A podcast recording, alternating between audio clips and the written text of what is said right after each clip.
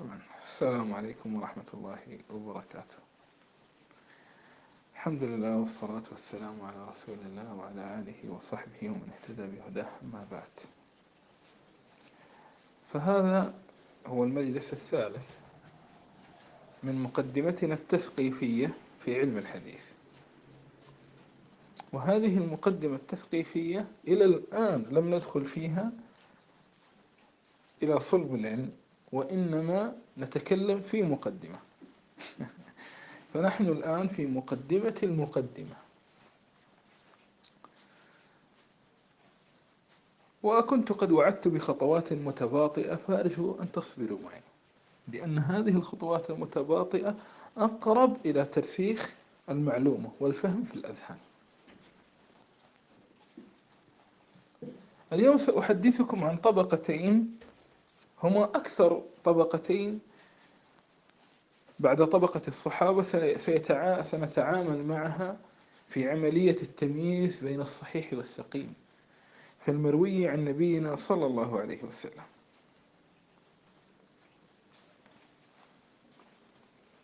وهي طبقة التابعين وأتباع التابعين ما معنى التابعي؟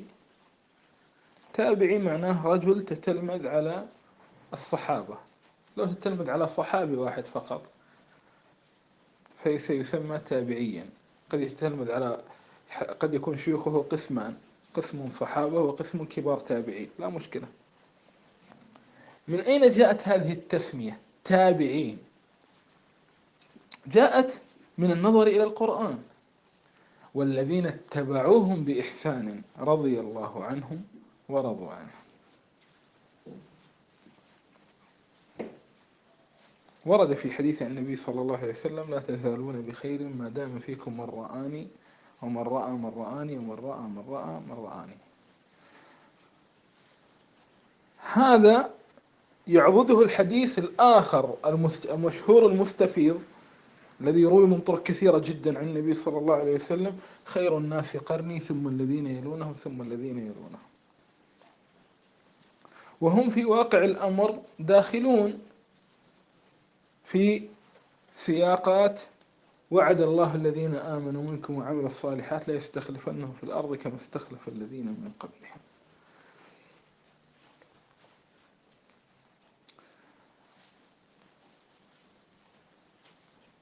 هل يمكننا أن نقسم التابعين إلى مجموعة مجاميع؟ يعني نضعهم في تصنيفات حتى يستقيم في ذهننا من خلال هذه المجاميع نضبط عددا منهم. عددا من مشاهيرهم على الأقل.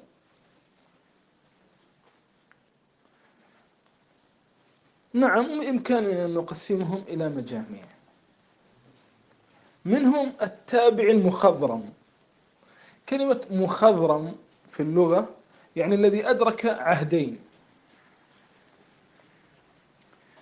عهدين مختلفين يعني مثلا شخص أدرك العهد الأموي والعهد العباسي. مخضرم عند أهل الحديث رجل عاش في زمن النبي صلى الله عليه وسلم ولم يرى النبي ولكنه بعد ذلك تتلمذ على الصحابة. يوجد من هؤلاء المخضرمين أسماء مشهورة مثل أبو العالية رفيع بن مهران الرياحي المفسر. له تفسير كامل مروي عنه. فقيه معروف. هذا مخضرم مثل مسروق بن الأجدع الذي كان خادما عند عائشة كان مولى اشترته وعتقته مشهور أبو عائشة. مسروق ابن الأجدع. مثل رجل يقال له أبو وائل شقيق بن السلمة كوفي. هؤلاء كادوا أن يكونوا الصحابة مثل رجل يقال له قيس بن أبي حازم سمع تسعة من العشرة مبشرين بالجنة.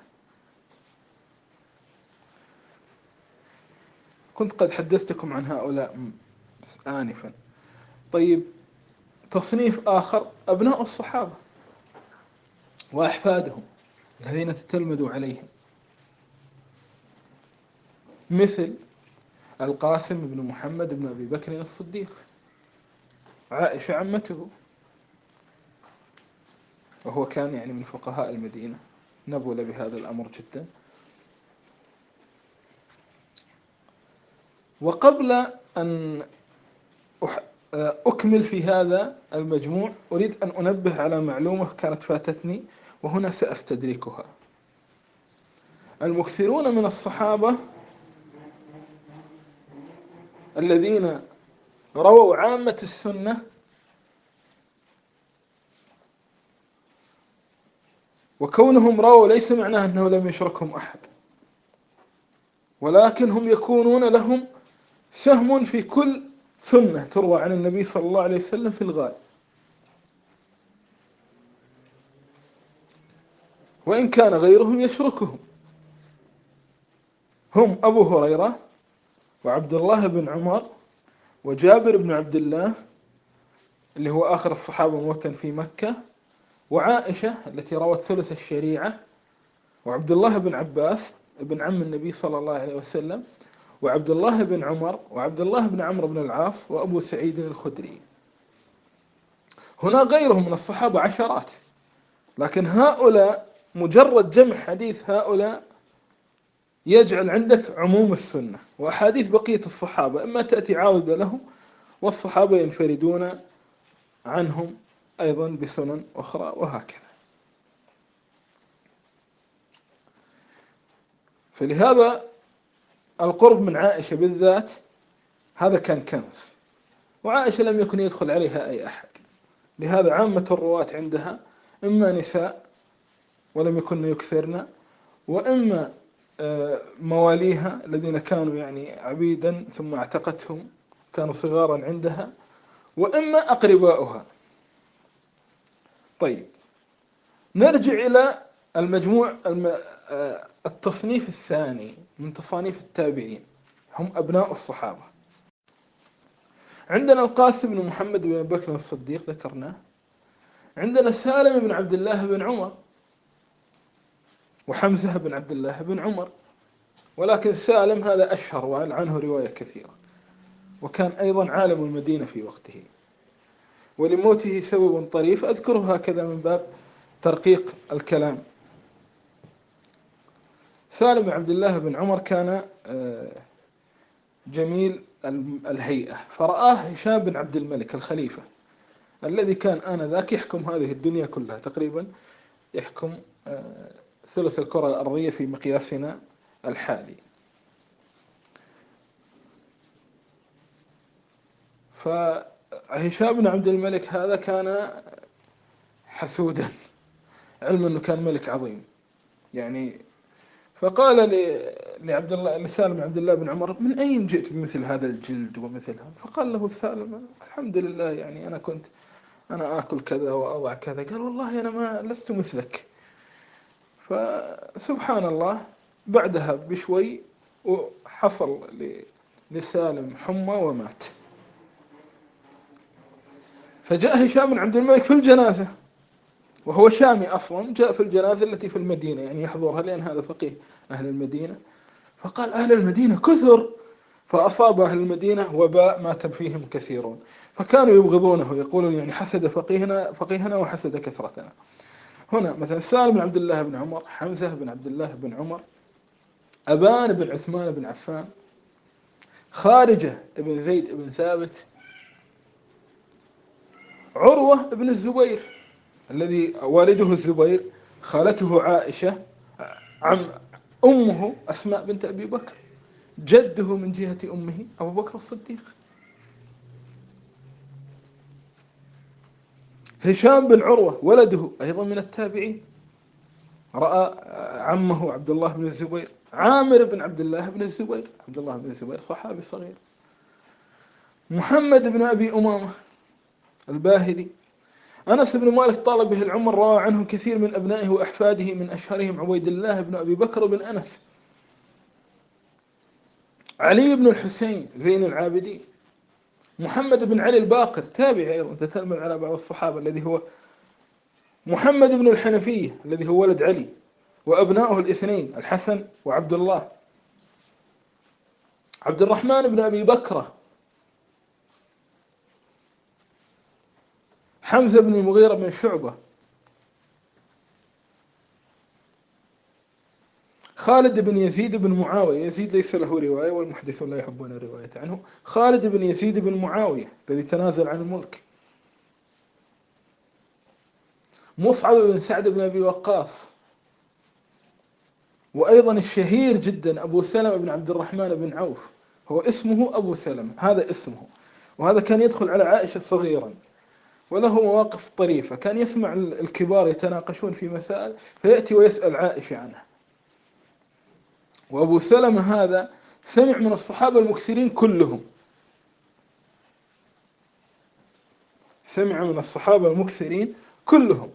سمع من جابر سمع من أبي هريرة سمع من عائشة سمع من ابن عباس من ابن عمر من عبد الله بن عمر من أبي سعيد الخدري. لهذا قلت هو الشهير جدا وهو ابن الصحابي الشهير عبد الرحمن بن عوف لكنه لم يسمع من أباه من أبيه. وانظر الدقة. كيف لم يسمع من أبيه؟ كان صغيرا حين مات أبوه.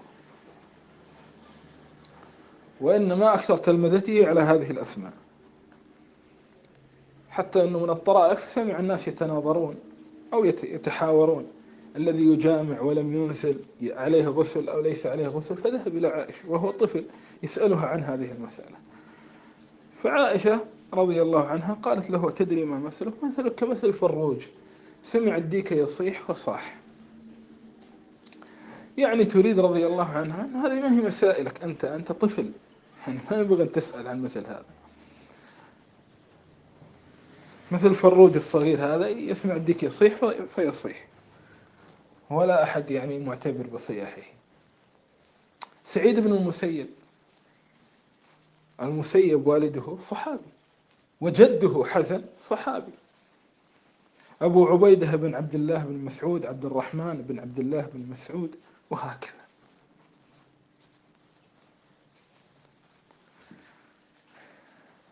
إذا هناك مجموع من مجاميع التابعين بإمكاننا أن نسميهم الأبناء اللي هم أبناء الصحابة. هناك تصنيف ثالث ممكن نضعه حتى فقط نقرب لك الضبط الموالي. الذي هو يكون مثلا عبد عند الصحابي ثم الصحابي يعتقه ويبقى عند الصحابي كولده أو كشخص من أنبل تلاميذه وهكذا. وهذا كثير عند عبد الله بن عباس. فمثلا سعيد بن جبير و وعكرم البربري وغيرهم هؤلاء كانوا عامتهم موالي لابن عبد الله بن عباس. وعبد الله بن عباس أيضا هناك من أبنائه رواة مثل علي بن عبد الله بن عباس الذي من نسله بعد ذلك جاء الخلفاء أبو جعفر المنصور وهارون ثم السلسلة العباسية التي بقيت إلى القرن آه، السابع والثامن الهجري.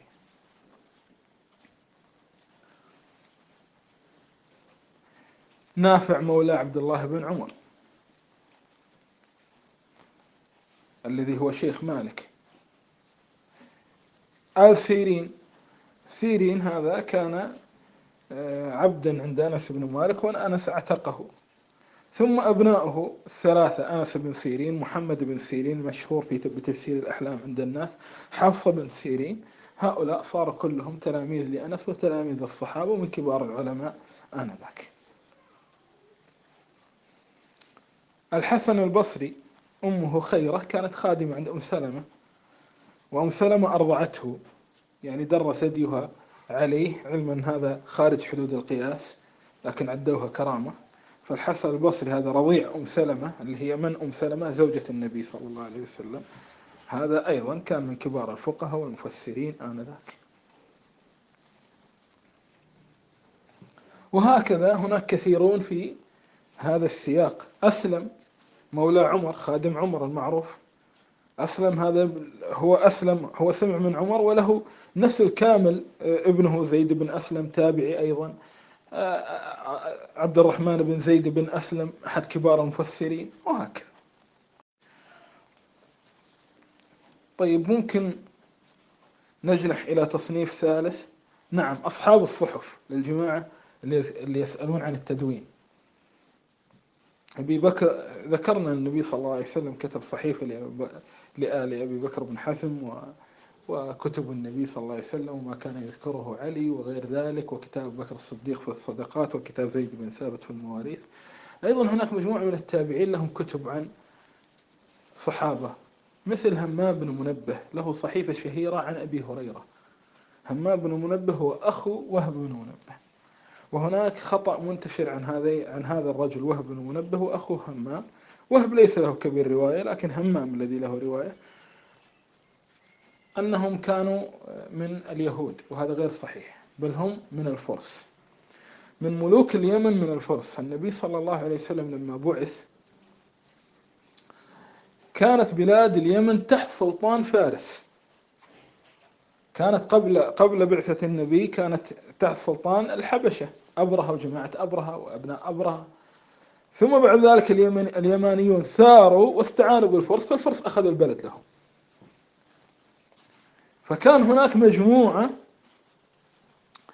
آه، من أبناء فارس أدركهم الإسلام هناك وكانوا من سلسلة الأكاسرة من سلالة الأكاسرة. وصار منهم مجموعة علماء منهم وهب بن منبه منهم طاووس الفقيه المشهور وهذا همام بن منبه. وهؤلاء جمعوا بين الثقافة اليمانية والثقافة الفارسية. ثم بعد ذلك لما دخل عليهم الإسلام كانوا شيئا يعني جامعا. هذا له صحيفة عن أبي هريرة معروفة سمع مجموعة حديث عن أبي هريرة وكتبها. هناك شعيب بن محمد بن عبد الله بن عمرو بن العاص. سمع من جده عبد الله بن عمرو بن العاص وله صحيفة مشهورة يرويها عنه ابنه عمرو. هناك رجل يقال له أبو الزبير له صحيفة عن جابر. صحيفة يعني مجموعة أحاديث. ليس لها تصنيف فقهي أو كذا وهذه الصحف كلها والحمد لله موجودة.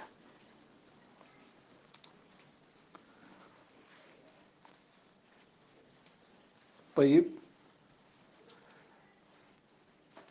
فهذا فيما يتعلق بأصحاب الصحف. هناك مثلا تصنيف بعده ممكن نضعه المفسرون من التابعين.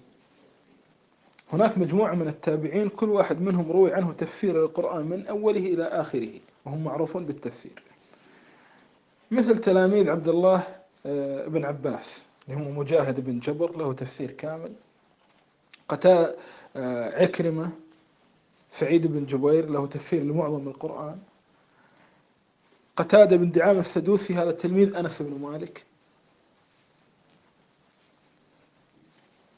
أبو العالي الرياحي ذكرناه الضحاك مقاتل بن حيان وهكذا. هؤلاء مجموعة تفاسير تجدها مجموعة في كل التفاسير مأثورة. تجد ابن المنذر يرويها ابن أبي حاتم يرويها الطبري يرويها الشافعي يذكرها كل الناس يذكرونها. تفاسير مشهورة جدا. مجموع آخر مثلا تصنيف آخر اللي هو تصنيف الفقهاء. وهؤلاء في كل مدينة لهم هناك مجموعة منهم. فمثلا في مدينة النبي صلى الله عليه وسلم المدينة النبوية هناك فقهاء المدينة السبعة لكلهم من التابعين. وعامتهم من أبناء الصحابة مسلم بن يسار. هناك في الكوفة مثلا تلاميذ عبد الله بن مسعود الأسود وعلقمة و... هناك مثلا في في البصرة مشاهير فقهاء البصريين الحسن البصري ومحمد بن سيرين وقتادة وإلى آخره. هذه كلها فكرة يعني. فمثلا حتى في الكوفة فقهاء التابعين طبقات ثم جاءت طبقة بعدها الحكم بن عتيبة ومن معه. هؤلاء كل واحد من هؤلاء له مذهب فقهي كامل. يعني تجد عموم مسائل الفقه روي عنه فيها. كثير من الناس يظن أن الفقه ابتدأ من مع الفقهاء اللي يسمون الأربعة. لا هم الأربعة أصلا جاءوا يكملون مسيرة أناس قبلهم. شريح القاضي هذا من التابعين. طبعا من التابعين الشهير عمر بن عبد العزيز وما هناك من من ليس داخلا في أي واحدة من هذه المجاميع ولكنه يعني كان إنسانا مشهورا مثل الزهري.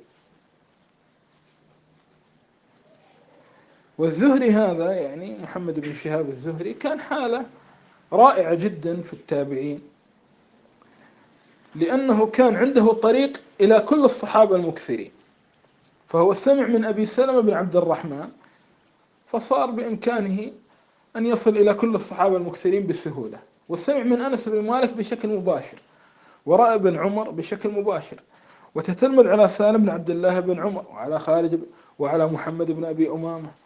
وحتى أنه رأى سمع أبا أمامة نفسه بشكل مباشر.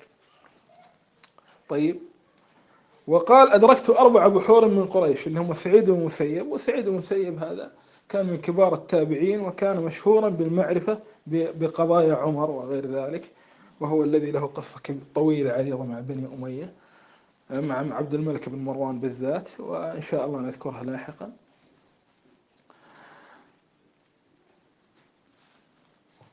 و وسعيد المسيب تعتمد على أبي هريرة وغير ذلك وعلى وعنده فقه عمر بالذات حتى عبد الله بن عمر كان يزكيه في فقه والده ويزكيه في السير ويقول وكأنه شهد معنا. يعني يتعجب من كونه عارفا بهذه الأمور لما طلبها وأحكمها.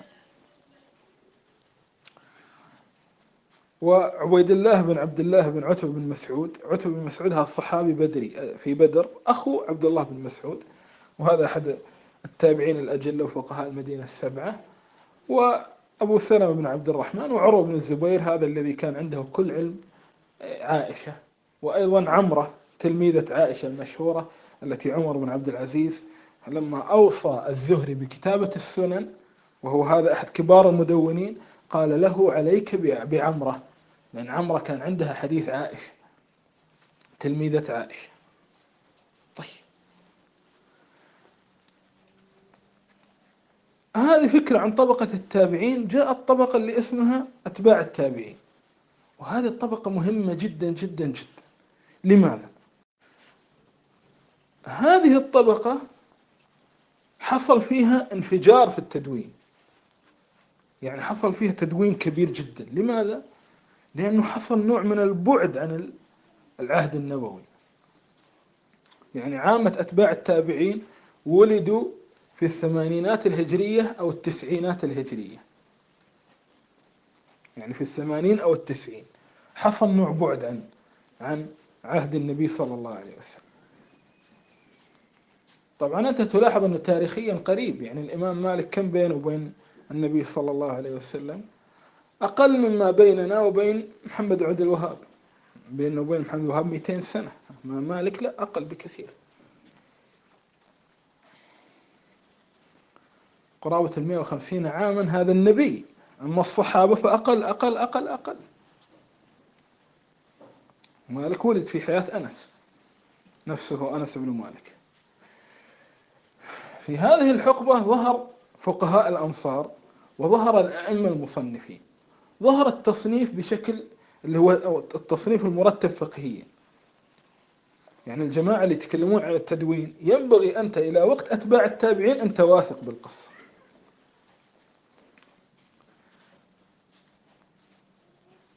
والشرح سيكون أوسع لاحقا عن تلك القواعد. فمثلا نجد أن هناك كتاب الموطأ للإمام مالك. هذا الكتاب يروي ثمانية أو تسعة عن مالك. هو كتاب معروف وإلى الآن موجود بترتيبه الكامل. مالك رحمة الله عليه يروي عن النبي باثنين فقط. نافع عن ابن عمر حميد عن أنس محمد بن أبي أمامة عن أبيه نعيم نعيم المجمر عن أبي هريرة. يعني أسانيده قصيرة جدا للنبي صلى الله عليه وسلم. جمع هذا الكتاب الذي اشترط فيه أن لا يذكر حديثا في الواقع الفقهي إلا ويكون عليه إجماع أهل المدينة. لأن المدينة كانت تمركز الأنصار فمالك كان يركز على هذه القصة أنه لابد أن يعتضد بواقع عملي. جمع فيه عموم السنن طيب ممكن يأتي إنسان ويقول هل مالك وحده من فعل هذا في طبقته؟ كيف نعرف صدق مالك؟ نعم الأمة مجمعة عليه. لكن نريد شيئا مقنعا لأكثر الناس جحودا. اختبار صدق مالك بإمكاننا أن نفعله حاليا بسهولة. وإن كان هذا نوع من الاستعجال لأن لاحقا سنتكلم بدقة عن مقاييس النقد. وكيف يوثق الراوي ومن عليه. أنت عندك مجموعة أحاديث وأخبار في موطأ الإمام مالك بإمكانك أن تذهب إلى كل حديث يرويه مالك عن رسول الله صلى الله عليه وسلم بإسناده ابحث هل تابعه أحد من أقرانه المتوزعين في الأمصار وانظر في في المصادر الحديثية التي هي في العشرات.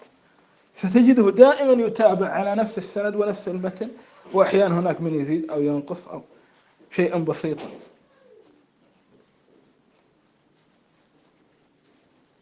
ثم إنه رحمة الله عليه كان يفرز فرزا يدل على صدقه. فكان مثلا يروي أحاديث رسول الله ويروي أخباره وتجد أحيانا يتبنى القول الفقهي ثم يصرح لك أنه ليس عنده أحاديث عن رسول الله في الموضوع وإنما عنده فتوى السعيد المسيب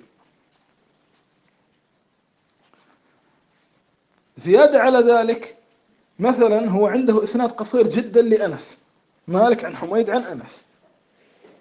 ثم نجده أحيانا يتكلف أنه يروي عن أنس بواسطتين وثلاثة لأنه الحديث لم يأتي إلا من هذا الطريق. وهذا يدل على إيش؟ يدل على صدق وتحري. يعني مثلا بعض الكتب المختلقة مثل مسند زيد بن علي كل الأحاديث إسناد واحد. هو ريح نفسه لأنه كذاب فيخليها كلها إسناد واحد. وطبعا غير أن هناك عوامل نقدية أخرى ولكن هذا. هل مالك وحده من فعل هذا في زمنه؟ لا. هناك قرين مالك في الكوفة اللي هو سفيان الثوري. سفيان الثوري هذا طبعا مطبوع له ثلاث كتب جزء في سفيان الثوري كتاب في التفسير مطبوع وكتاب آه، له رحمة الله عليه في الفرائض اللي هي نسميها مواريث. هذا أيضا دون. وله كتاب الجامع وله مذهب فقهي كامل كمالك. لكن هو إمام أهل الكوفة مالك إمام أهل المدينة. مالك له أقران في المدينة ابن أبي ذئب بن الماجشون وسفيان الثوري له أقران في الكوفة. شريك بن عبد الله الحسن بن صالح آه، محمد عبد الرحمن بن أبي ليلى إلى آخره. مالك وسفيان معهم أحد كتب ودون وألف. نعم ابن جريج في مكة. له جزء. ابن جريج هذا التلميذ عطاء بن أبي رباح. وأنا نسيت أن أحدثكم عن عطاء بن أبي رباح. حين ذكرت الموالي عطاء بن أبي رباح هذا له قصة لطيفة. هذا كان رجل أسود حبشي أعور أعرج. فكان عند سيدة تملكه فقالت يعني أنت لا يمكن يستفاد منك اذهب إلى الحرم تعلم. راح إلى الحرم تعلم صار أفقه التابعين في المناسك. حتى أنه في آخر حياته أيضا يده سقطت. حصل له نوع من الجذام أو الغرغرينة نسميها نحن. عطاء هذا تتلمذ على عبد الله بن عمر وعبد الله بن عمرو بن العاص وإلى آخره حتى قيل إنه سمع من عائشة نفسها وأبي هريرة ابن جريج هذا تلميذ عطاء الخاص وله شيوخ كثر غير عطاء. ابن أبي رباح أفقه التابعين في المناسك حتى أن الشافعي مرة ذكروا له مسألة فقيل له فذكر قولا فقيل هذا قولك قال قول من هو خير مني؟ قول عطاء بن أبي رباح. ولهذا الإمام أحمد يقول لو كان العلم بالنسب ما كان سادة الناس عطاء بن أبي رباح ويزيد بن أبي حبيب. يزيد بن حبيب هذا عالم مصر نوبي طبعا المصريون اليوم لا يعرفونه يعرفون حبش سموت أخناتون رمسيس لكن لا يعرفون هذا. طيب. عندنا الآن مالك والمحدثون لا يقبلون من مالك أي شيء يقوله. لابد أن يسند ثم ينقدون روايته. عندنا سفيان الثوري طيب من معه أيضا؟ ومالك طبعا تتلمذ على الزهري وعلى كذا وعلى غيره يعني كثيرون. ومال وسفيان الثوري نفس القصة. ورث علوم الكوفيين ويروي عن النبي بواسطتين في كثير من الأحاديث. هو قريب جدا. بعض شيوخه تلاميذ البراء بن عازب وتلاميذ ابن عباس إلى آخره.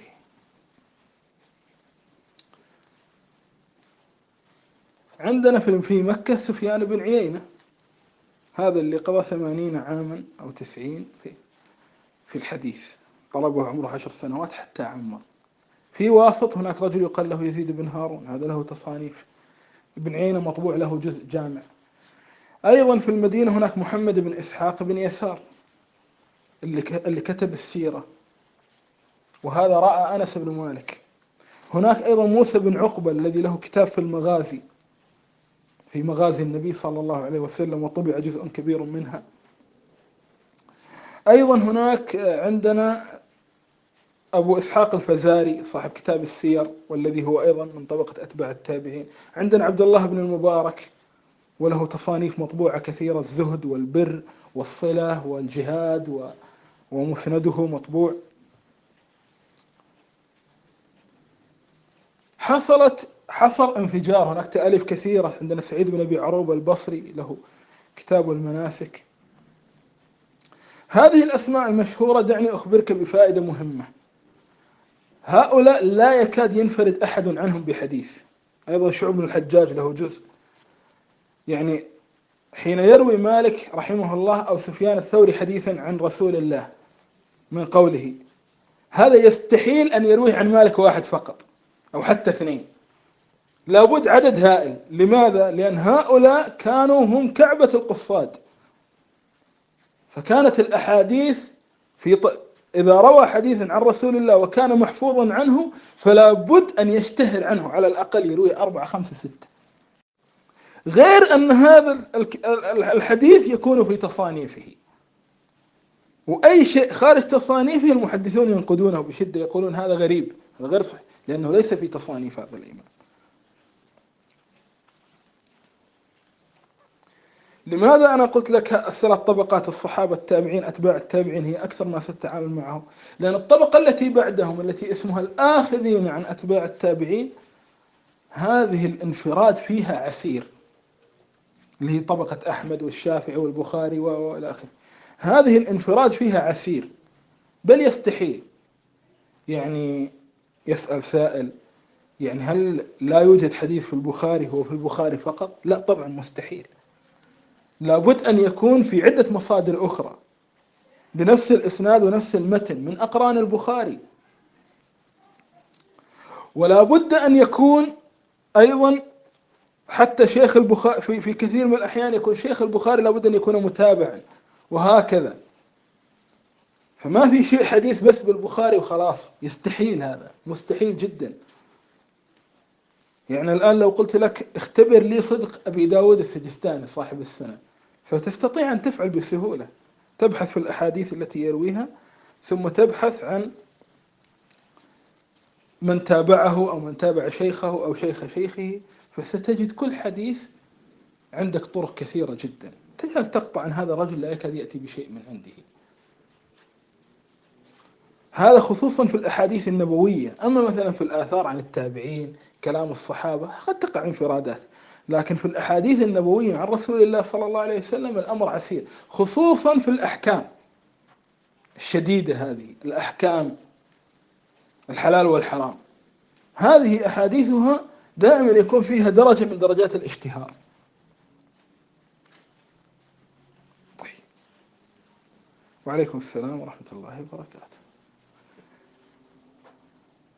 لهذا أكثر ما ستتعامل معه في هذه السياقات درس اليوم دسم نوعا ما طبقة التابعين وأتباع التابعين. طيب قبل أن نتكلم في المجلس القادم عن شروط الحديث الصحيح تصور أن مثلا مالكا فقيه المدينة والأوزاعي فقيه الشام وسفيان فقيه الكوفة وابن عيينة فقيه مكة والحمادين فقهاء البصرة وهم كلهم عهدهم جدا قريب من عهد النبي صلى الله عليه وسلم والصحابة التابعين. قالوا بلا إسناد أن من سنة رسول الله كذا. بلا إسناد لم يسندوا شيئا. يعني وقالوا من سنة رسول الله صلى الله عليه وسلم كذا.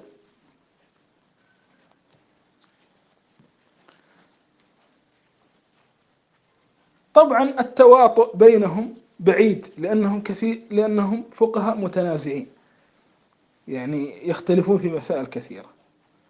سيغلب على ظن أي باحث منصف أن سيقول والله في واقع الأمر هؤلاء هم متخصصون والأمة شهدت لهم بالتخصص فقبول شهادتهم متعين.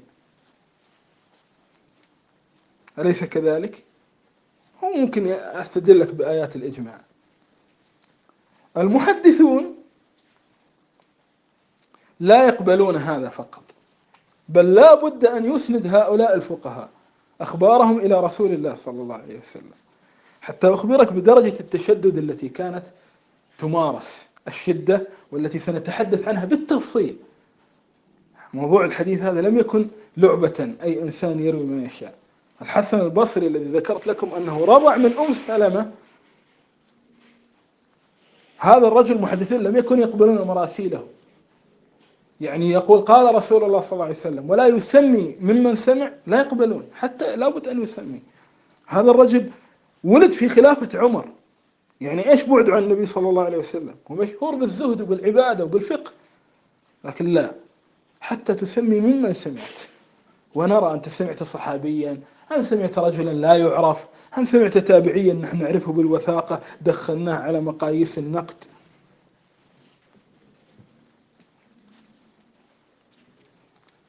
هذا كله الآن الذي ذكرناه في الدروس الثلاثة الماضية. الآن هذا الذي أنهيناه صار ماضيا. هذه مقدمة فقط. صلب الفن لم ندخل فيه. صلب الفن لم ندخل فيه. سندخل إن شاء الله تبارك وتعالى في الغد ونتكلم عن شروط الحديث الصحيح. وستكون رحلة رائعة جدا. مع الأئمة في نقدهم وكيف كانوا يعرفون أن هذا الراوي ثقة أو هذا الراوي غير ثقة أو كيف ممكن كانوا يعرفون هذا الإسناد متصل أو غير متصل كيف يعرفون من الثقة نفسه كيف كانوا يتعرفون على خطئه وكيف كانوا يعني ينقدون المتون والأسانيد وكيف كانوا يعضدون بعض الروايات ويثبتون صحتها من خلال النظر في القرآن. وهكذا. يعني سيكون بحثا إن شاء الله تعالى ممتعا. وأرجو ألا يدرككم الملل. فلازلنا في بداية الطريق. اليوم ذكرنا أسماء كثيرة وقد يحدث هذا نوع من التشويش لكن هذا لأول مرة. ولكن بعد ذلك ستعتاد الأذن على هذه الأسماء وهي ترتب الأمر في الذهن. هذا وصل اللهم على محمد وآله وصحبه وسلم.